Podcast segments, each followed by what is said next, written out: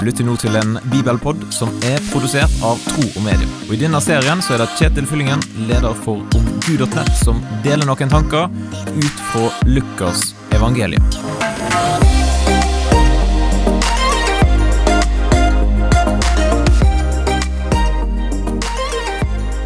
En av de absolutt verste følelsene du kan ha som foreldre, det er når du ikke finner barnet ditt.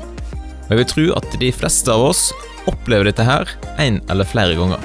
For noen år siden så erfarte vi dette her to ganger på samme dagen. Først i Dyreparken i Kristiansand, og så på Sørlandssenteret. Det kan jo hende at det sier litt om, eh, om oss som foreldre, at vi ikke alltid har helt kontroll, eller at noen kids er skrudd sammen sånn at de fort lurer seg av gårde på egen hånd. Men heldigvis så fant vi poden igjen ganske kjapt. Maria og Josef de måtte lete litt lenger. Og det står om det i evangeliet til Lukas kapittel 2 og vers 43 til 46a. Men da høytidsdagen var over og de skulle hjem, ble gutten Jesus igjen i Jerusalem uten at foreldrene visste om det. De trodde han var med i reisefølget, og gikk en dagsreise før de begynte å lete etter ham, blant slektninger og venner. Da de ikke fant ham, vendte de tilbake til Jerusalem for å lete etter han der. Først, etter tre dager, fant de ham i tempelet.